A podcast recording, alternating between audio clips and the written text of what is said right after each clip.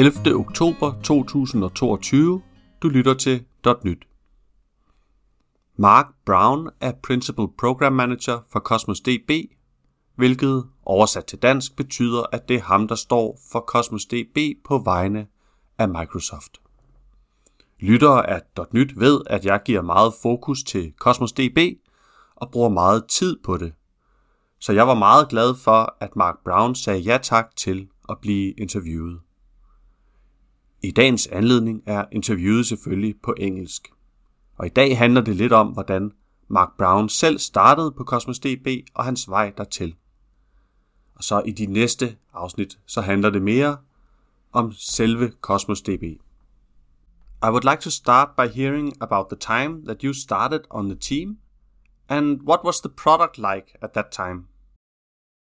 Yeah, so I joined it's almost exactly uh, four years ago, just a little over four years ago. I joined in 2018.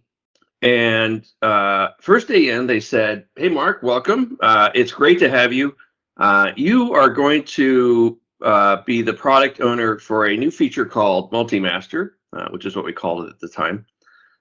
we are going to launch this at Ignite, which is in about 30 days. Um, and I said, that sounds great. I go, uh, uh, is there much left to do? And they said, oh, yes, everything left. Uh, we've got no documentation, no samples.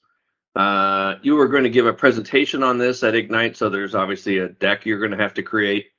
Uh, there's no marketing uh, around this. So all the marketing folks need a way to be able to talk about this. Um, we need you to go recruit customers uh, all these things all need to be done, and you've got 30 days to do it all. So good luck, and again, welcome to the team. Så Mark Brown kendte godt til Cosmos DB, men ikke i dybden, og med en måned til Ignite overtog han ejerskab og skulle blive klar til at præsentere produktet på vegne af Microsoft. I said, I said okay, uh, I better get started. Um, and at the time, I had you know, o- only really dabbled using uh, Cosmos. Um, I've been in Azure since about 2010. Um, so, and I'd worked on teams like I worked on our on the web apps uh, team. Um, uh, I then left briefly for about a year just to go. Uh, I kind of missed like writing code, um, so I wanted to go back and just write some code and build some solutions on Azure. So I left for about yeah, about a year, 13 months. Uh, and then I returned uh, and I came back over in the Azure networking team and I spent about three years over there.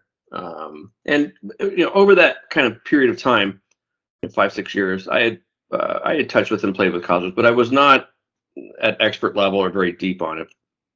Så Mark har faktisk været væk fra Microsoft i en periode og kommer så tilbage og skal overtage det her produkt. Men det han taler om er faktisk den feature, som hedder Multimaster, som handler om, at man kan skrive til flere regioner samtidig, og det er jo et af kendetegnene ved Cosmos DB.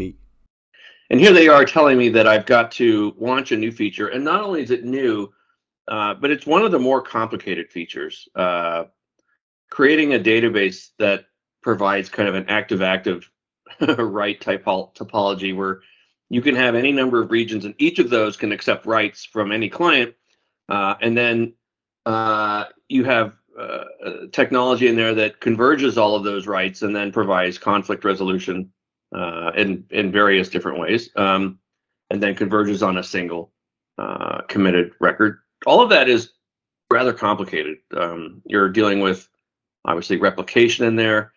There's uh, merge resolution in there. Um, all you know, and all these things kind of touch on a you know topics related to distributed databases, which themselves are rather complicated to understand. You need to understand concepts like CAP theorem.